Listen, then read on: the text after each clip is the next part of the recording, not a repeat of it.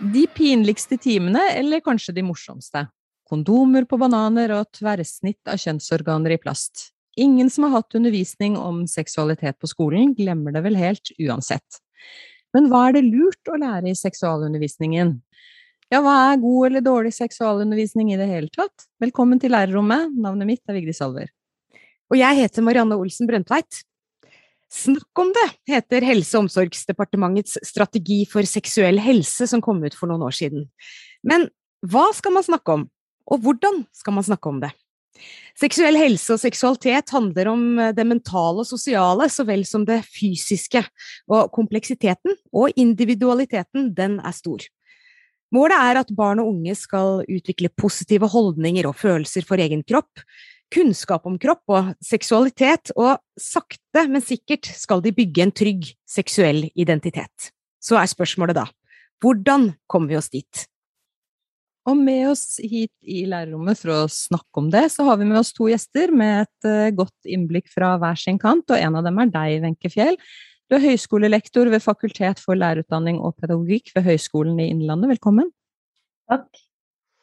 Og velkommen til deg, helsesykepleier Per Arthur Andersen, også kjent som Helsebror. Du er leder også for helsestasjon for gutter på Frogner i Oslo. Det stemmer. Hei sann. Og Andersen, du er jo også en av ekspertene i avisa Aftenposten Junior, og svarer også der på spørsmål fra barn og unge. Og hva lurer barn og ungdom mest på rundt seksualitet? Å, det Nå har jeg skrevet for avisen i fire år snart. Eh, og i det siste så har det vært veldig mye snakk om dette tematikken med trans. Eh, eh, og ja, mye rundt det om man er født i Er man det skjønnet man er født med? Og ja, litt, litt den tematikken som har vært i de siste årene nå. I forkant av dette så har det vært mer denne grunnleggende forelskelse. Hvordan kan jeg si at jeg liker noen? Og ja, litt mer den, den søte delen av dette med seksualitet, da. Mm. Ja, du svarer jo Det er jo barn i ulik alder som, som, sender inn spørsmål som du svarer på. og Er det ditt generelle inntrykk at mange har lyst til å lære mer om mange forskjellige temaer? Å ja. Det er, det er, en stor nysgjerrighet. Eh, og den, den, nysgjerrigheten opplever jeg bare vokser både blant de yngste, yngste gruppene i samfunnet, men også de i ungdomsårene. Men hva tenker du er det viktigste i kommunikasjonen med barn og unge rundt denne tematikken, enten det er på helsestasjonen hvor du møter de mer fysisk, eller i avisspalta? Det er jo for det første at den som gir ut informasjon er trygg på den eh, tematikken de gir ut, og at den er så korrekt som mulig. Eh, noe av det som kanskje er grunnen til at eh, vi har et større fokus på dette med seksualitet og undervisningen nå, er jo fordi at graden av misinformasjon er så lett å komme over. Wenche Fjell, du er jo studieleder ved et videreutdanningstilbud på masternivå ved Høgskolen Innlandet som heter Identitet, kroppsbilde og seksuell helse.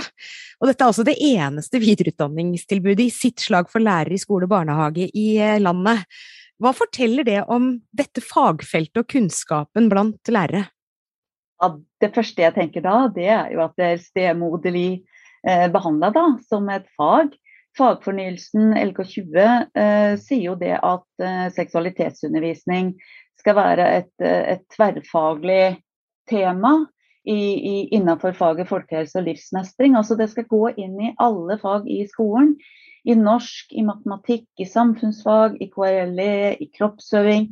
Eh, så skal seksualitet og seksualitetsundervisning være et tema og vi har ventelister til vårt studie, og de, vi, de lærerne vi møter, altså alt fra barnehagelærere til lærere uh, i grunnskolen og på videregående trinn også, eh, sier jo det at jeg fikk ingenting, eller minimalt, i, i lærerutdanninga om seksualitetsundervisning. Noe som har ført til at jeg, jeg føler meg utrygg i å formidle, i å i, formidle om, om seksualitet. Jeg, jeg, er usikker på hvilket eh, nivå jeg skal legge meg på, på de ulike trinnene. Og også at i kollegiet, lærerkollegiet, at hvis man fremmer temaet seksualitetsundervisning, så er det noen som, som, som, vegrer seg for å gå inn på det, og, eh, og, og vil knytte det opp mot f.eks. uke seks og, eh, og, og, helsestasjonen, helsesykepleier. Eh, og, og vegrer seg for å gå inn på tematikken, rett og slett. Vi skal innom nettopp det seinere i denne podkasten også, men du er også utdanna eh, pedagog og sexolog, og fra ditt faglige ståsted, vi hørte ordet du brukte her om seksualitetsundervisning og ikke seksualundervisning. Hvorfor disse begrepene, hva er forskjellen? Det, ja, det er jeg veldig opptatt av, og som vi snakker om på den videreutdanninga òg. Og det er at da vi snakker om seksualundervisning, så kan det være mange som tenker at, at vi skal lære barna å ha sex. Mens seksualitetsundervisning, da ser vi på bredden ved eh, å formidle om seksualitet som sådan. Eh, fordi at det handler om å forvalte følelser, det handler om å bli på et vis forent med egen kropp. Da, eh, og godta Eh, kroppens utvikling og endringer og, og, og, og, hva slags sterke følelser som kan oppstå i forhold til det som handler om seksualitet, forelskelse, og ikke minst det eh, hvis man ikke blir møtt på forelskelsen sin, hvor vondt det kan være. Og, det med identitet og eh, å skille mellom hva er det positive og bra og fine. og og hva, hva er ikke bra, og hva, hvor skal jeg sette mine grenser? Eh, og da i forhold til eh, Per Arthur fortalte om hva er, det, hva er det barn og unge er opptatt av. En ungdom spurte meg om hva altså, er sex godt? Mm. Ja, Andersen, du har nikket, du har nikket uh, mye nå underveis mens Fjell har snakka. Ja. Jeg syns det er veldig fint at, eh, sånn, at, det blir en forståelse av at når vi skal snakke om seksualitet, så snakker vi ikke om den praktiske biten og hvordan sex eh, fungerer. Sånn, for altså, Det òg er jo ikke en enkel, enkel, ting å svare på. Men at det handler mye mer om, eh, om å forstå seg sjøl i, de, i det følelsesspekteret vi har, og hvordan dette her deles med andre. Respekt for egen kropp og andres, respekt for sin egen legning og andres osv. Det er jo en seksualitet er ikke noe som kommer i puberteten. Det er ikke noe man plutselig vekker i møte med andre, det er noe vi er født med. Mm. Så det er en del av oss gjennom hele livet. Og det er så viktig å få den forståelsen for at dette er ikke et voksentema, dette er et livstema. Ja, og så vil jeg bare si at dette her med skal sex være godt, for det òg er jo en liten sånn myte vi, Det er mye mytesprengning vi driver på med i seksualundervisning. Og, og sånt, En klassisk myte spesielt for jenter er at det skal gjøre vondt første gang. Og det er jo ikke riktig. Nei, og du nevnte jo tidligere her også graden av uh, feilinformasjon. Uh, og om mm. vi også tar nett nettdating og digital flørting og vennskap over internett som inn som et bakteppe her, og krydrer med pålagt avstand og en mer usikker hverdag eh, under pandemien. Tenker du at behovet for en god seksualundervisning eller seksualitetsundervisning har økt i det siste? Ja, i aller høyeste grad. Eh, med den digitale seksuelle verden vi nå alle kan være innsyn i. Og dette krysser jo alt ifra nettdating eh, sosiale mediesider eh, og pornosider, eh, så kan vi se at sånn barn oppvokst på 70-tallet sammenlignet med barn oppvokst etter millenniumsskiftet, er 200% mer utsatt for seksuell, eh, seksuelt materiale. Og med den store graden av tilgang til dette mystiske seksuelle som mange kan se på det som, så er det jo klart at vi trenger også å ha en motvekt og kunne gi en korrekt grad av kunnskap til mennesker i, i seksualitetstematikken. Ja, Du nevnte jo her eh, porno. og Hvordan opplever du at mhm. porno og tilgang til det eh, påvirker barn og, og ungdom inn i dette? Altså, altså jeg, jeg, er jo en smule blitt litt sjokkert over den naiviteten som gjerne ligger blant veldig mange i, rundt hva hva vil det si å få internett i lommen. Og etter utvikling av smarttelefon og utbredning av internett, så har vi jo verden i lommen gjennom smarttelefon. Og nysgjerrigheten for barn og unge, og også voksne, inn mot nakenhet, seksualitet og alt som ligger i dette, har jo ikke blitt mindre med tiden. Og da blir det jo en sånn når i hvert fall når det gjelder barn, når barn nede i femårsalderen får en smarttelefon eller de får en pad. Og det er, det er, liksom ikke noe skille mellom barnets rett på privatliv og barnets rett på privatliv på nett. Eh, så vil jo graden av det å få feile forventninger, det å tenke feil om seg sjøl og det å bli usikker, rett og slett, er jo veldig stor. Så kanskje, En ting er jo at det er mer porno, det er mer seksuelt ladet materiale. Eh, det blir jo én tematikk. Det andre er jo hvilken tilgjengelighet vi har til det. Og hvordan vi som voksne rettleier barna inn i digitale, det digitale livet.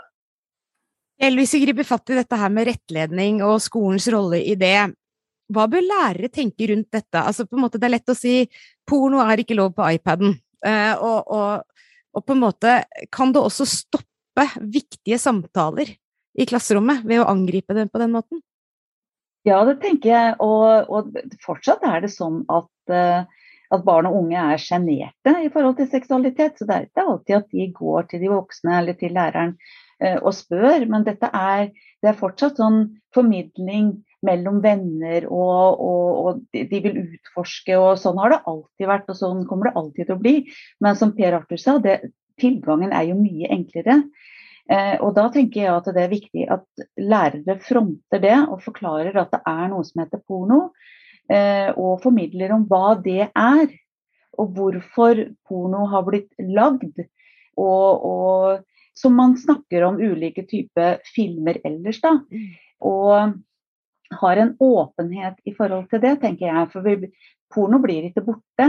Og det blir ikke borte at unger vil søke nettsteder og finne porno, men de må vite hva det er og eh, konseptet med pornografi. Og så må de samtidig lære om seg sjøl og egen kropp og seksuelle følelser. Og, altså kroppen og, og, og hvordan kroppen fungerer.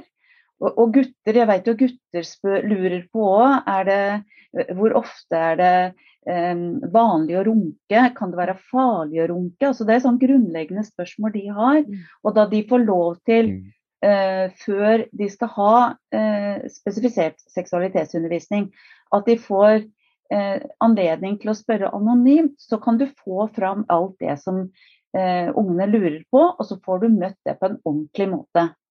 Og da, da, skal du møte det på en ordentlig måte. Altså, ikke gå, gå rundt grøten, men være helt konkret. Eh, og ta det seriøst. Ja, for Vi snakker om, om, om hvordan møte dette, og tanken med også som ligger en risiko ofte at vi problematisere og snakke mest om farene, hvis vi kan bruke det ordet, ved seksualitet. Altså mm. uønska graviditet, overgrep, eh, eksponering for porno, eh, usunne eh, ideer om hva som er riktig etc. Ligger det en mm. fare at vi problematiserer dette opp ja. gjennom oppveksten? Ja, jeg husker en gang jeg satt og snakka med en kollega, og så sa du, kom vi fram til at nå har vi utvikla noe som vi kan kalle for HUF-modellen. Ved at det vi har fokus på å hindre, og unngå, å forebygge og forby. Mm. Og hva er eh, resultatet av det? Eh, det er jo kanskje det at vi hindrer barn og unge i å, å tørre å spørre, eller, eh, eller, fortelle om ting som skjer.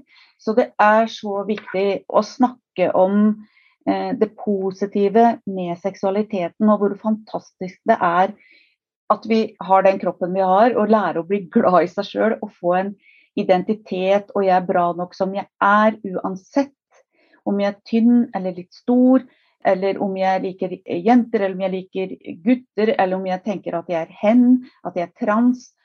At det er en tillatelse der. Eh, og da du har snakka om alt det, så kan du òg formidle eh, om at det skjer ting i forhold til seksualitet menneskelig seksualitet som ikke er bra. Mm. Og dette er jo et mye vanskeligere tema. Sånn, hvis, man, hvis, man, kommer fra en bakgrunn der, der legningstematikken er veldig avvisende, altså hvis man er, er, er, skeptisk til trans, eller man er homofob hjemme, eller man tenker det at abort er feil, og så kommer de på skole og lærer det stikk motsatte, så kan dette være to verdener som kolliderer, og du sitter igjen med et ungdom eller et barn som er fryktelig usikker fordi at læreren på skolen sier det at alle skal kunne elske alle, mens når kommer hjem så sier mamma og pappa det at det er bare mann og kvinne som skal kunne elske hverandre. Så dette her er jo et sånt, det, Vi må se på det som et helt sånn samfunnsperspektiv i dette her òg. Men at, vi, de, at man er bevisst på at man kan være samlet som voksne og de som har ansvar for barn, at vi er sammen om å kunne gi den beste kunnskapen og tryggheten til barna våre. Det vil jo tenke jeg være det første steg i riktig retning. Ja, Fjell, vi snakker mye her om samarbeid med hjemmet, og samarbeid med hjemmet kanskje også kan kollidere med tanke på verdier eller synspunkter som presenteres i et klasserom, eh, i motsetning til det som de får rundt middagsbordet. Hva slags råd har du for hvordan skole kan gripe dette an? Jeg tenker at det er viktig med, med en god kommunikasjon, og at kontaktlærer kontaktlærere informerer om Eh, den undervisningen som kommer. Altså I forhold til, til um, fagfornyelsen så er det beskrevet sånn fra fjerde trinn, tror jeg, i, i, i, de ulike fagene som jeg nevnte i stad. Og da er det å sende ut informasjon til foreldrene at det i forhold til læremål eh, For den uka her så, så, handler det om å lære om kroppen og kroppens funksjoner. Eh, i, I den uka her så har vi tema i naturfag eh, om puberteten eh, i forhold til eh, jenter, og puberteten i forhold til gutter. Og at det er hele tida et, et, tema som kommer inn i de ulike fagene, slik at det blir en vanlig del av hva, hva elever lærer i skolen. Fordi det er nettopp det det er. Det er ikke mm. noe mystisk. Det er noe som er en del av alle elementer i livet vårt hver eneste dag. Og er det noe barn og unge er opptatt av, så er det jo egen kropp. og De er opptatt av relasjoner og vennskap. Og de forelsker seg allerede i barnehagealder. Så da må vi snakke om det og veilede i forhold til det overordna i skolen som sko skolen har som ansvar. Det er i forhold til danning. Mm. Og, og vi snakker om seksuell danning. Nå vet jeg òg mm. at noen snakker om seksuell folkeskikk som, et, eh, som tema i skolen i forhold til hashtag metoo, som det har vært en del fokus på.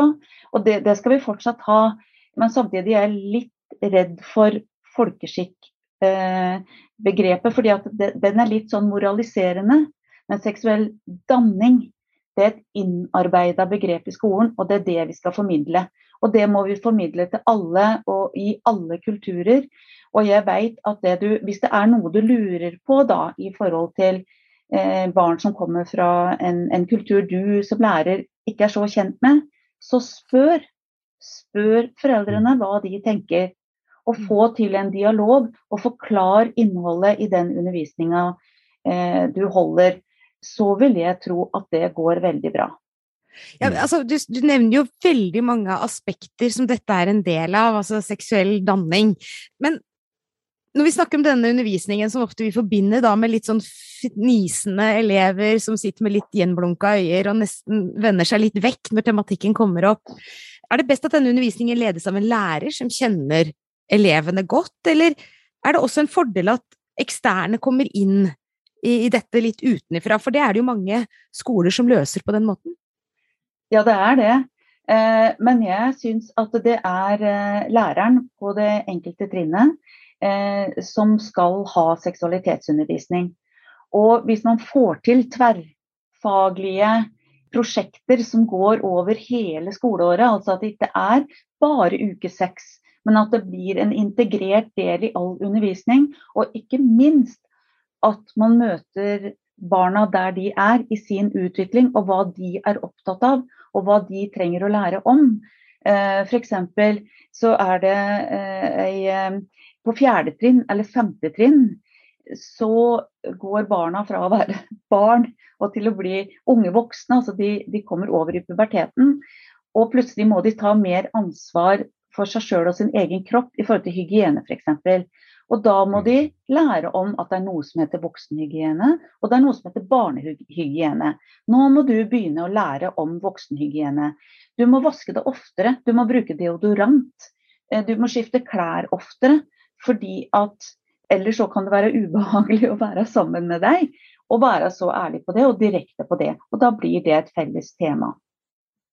Mm. Andersen, eh, hva risikeres med tanke på kontinuitet i det her, hvis det er en ekstern, da, en helsesykepleier som deg selv som kommer inn? Det er jo ikke uvanlig at det er det, og at man bruker uke seks, sånn som Fjell sier her. Er det, er det en riktig løsning, eller hvordan bør man tenke? Jeg tenker jo det at Wenche har et veldig godt poeng i at den tematikken, hel, hvis du ser på seksualitet som en helhetlig tematikk, så er det veldig mye fakta og kunnskap vi skal inn, inn gjennom her. Og en kontinuitet med en person som ofte er der, vil være hjelpe til å opprettholde disse koblingene. Altså, en, en, kobling som ofte snakkes om, det er jo respekt, f.eks. Og, og, en, og, noe som, som, jeg bruker som et eksempel i dette her med, med å lære seg å begynne med denne tralten med å akseptere uh, ulike legninger. Det er der at man som barn eller unge har veldig fokus på at rasisme er galt. Fordi at Man kan ikke dømme en person ut ifra hvordan de er født. Men når de, de, lærer seg at det å være homofil er ikke et valg du har tatt, så kanskje de kan koble der at det å være rasisme og homofob er egentlig akkurat det samme. Men dette er jo en kontinuerlig diskusjon som må has.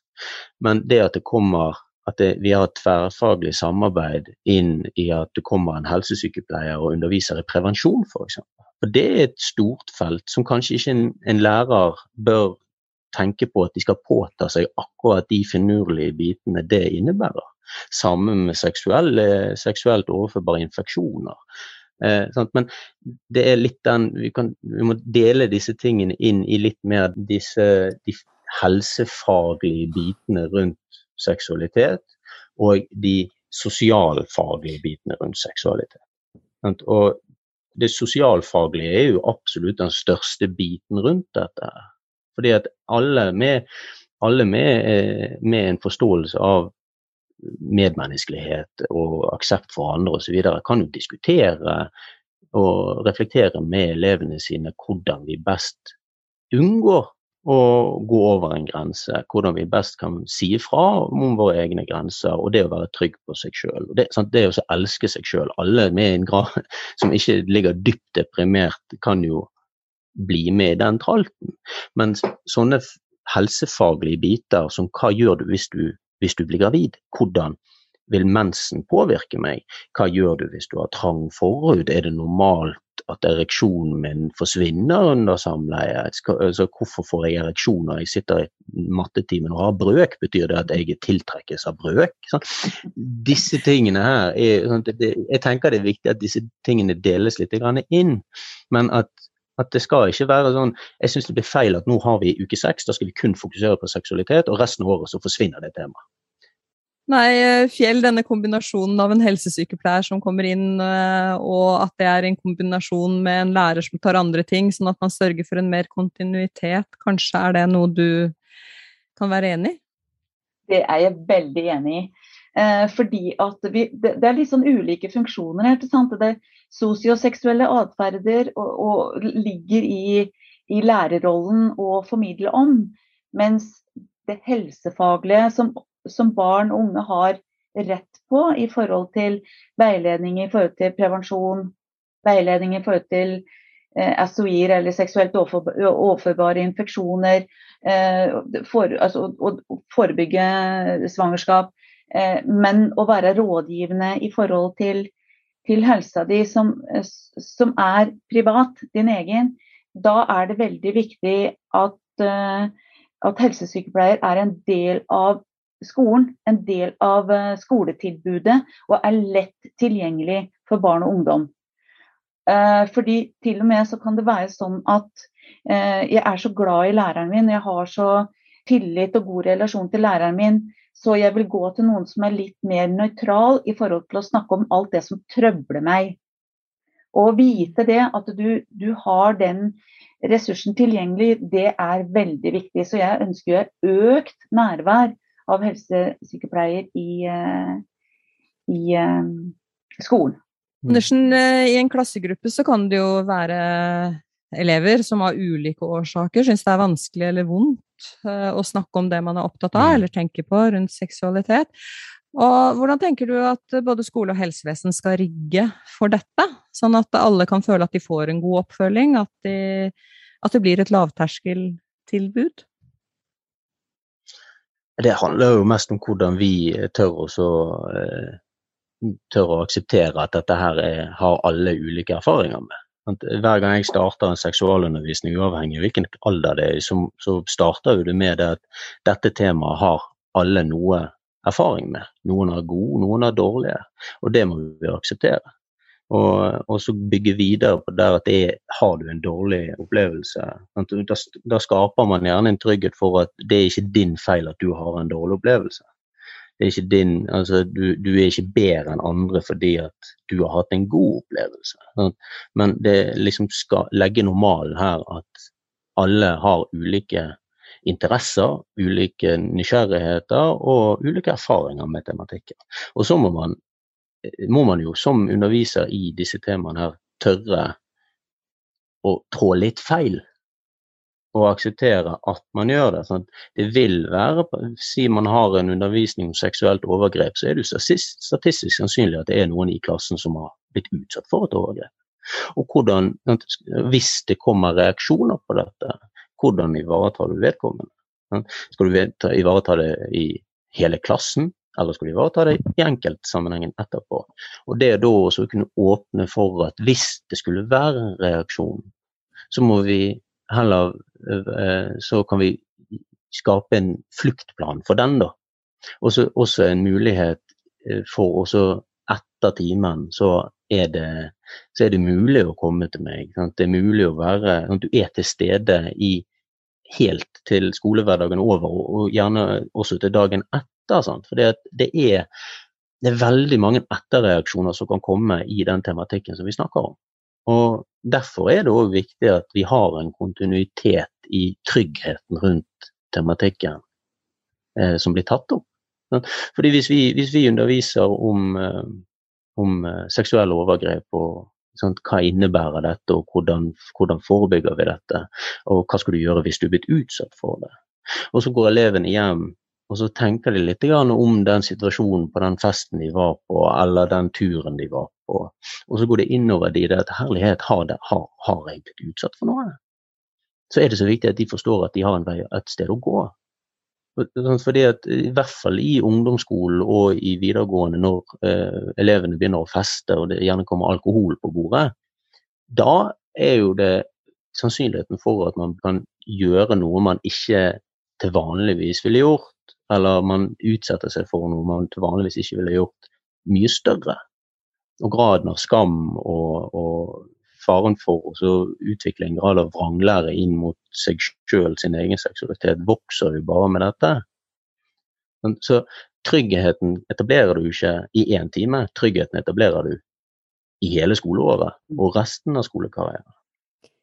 Wenche det er jo snakk om eh, mange sider av trygghet her. Eh, hvis du helt til slutt, hvis du skal oppsummere, råd til skoler og barnehager i samarbeid med andre fagligheter, hvor skal man starte? når denne tematikken skal planlegges? Man skal starte så tidlig som mulig med å ha seksualitet og seksuell helse som en naturlig del av samhandling mellom de voksne og barna i barnehage og skole. Man skal se på mulighetene for å fremme en positiv seksualitet. Man skal ha, være åpen og ærlig, og man skal kunne være i et uh, fagmiljø, kollegialt miljø, hvor tema seksualitetsundervisning skal være like naturlig å undervises om som fordøyelsessystemet.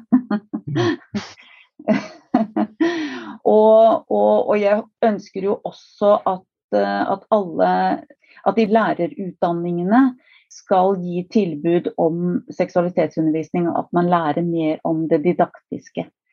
Å få en god verktøykasse i forhold til å formidle og undervise på en god måte for å fremme en trygg eh, seksuell utvikling, fordi at det er den beste måten å forebygge skadelig seksuell atferd på blant barn, men også at barn selv kan være med på å sette grenser og si ifra, ikke minst hvis de blir utsatt for noe som er vondt. Og med dette så var vi ved veis ende av denne episoden av Lærerrommet. Vi håper den kan være til hjelp eh, videre inn i både klasserom og barnehager, og også hjemme hos foreldre der hvor barna bor, og foresatte. Vi sier tusen takk til dere som var gjestene våre, Wenche Fjell og Per Arthur Andersen. Lærerrommet er tilbake med nye temaer og episoder i din podkastkanal om ikke lenge. Takk for at du hører på oss. Nå sier Vigdis og jeg takk for følget. Ha det bra!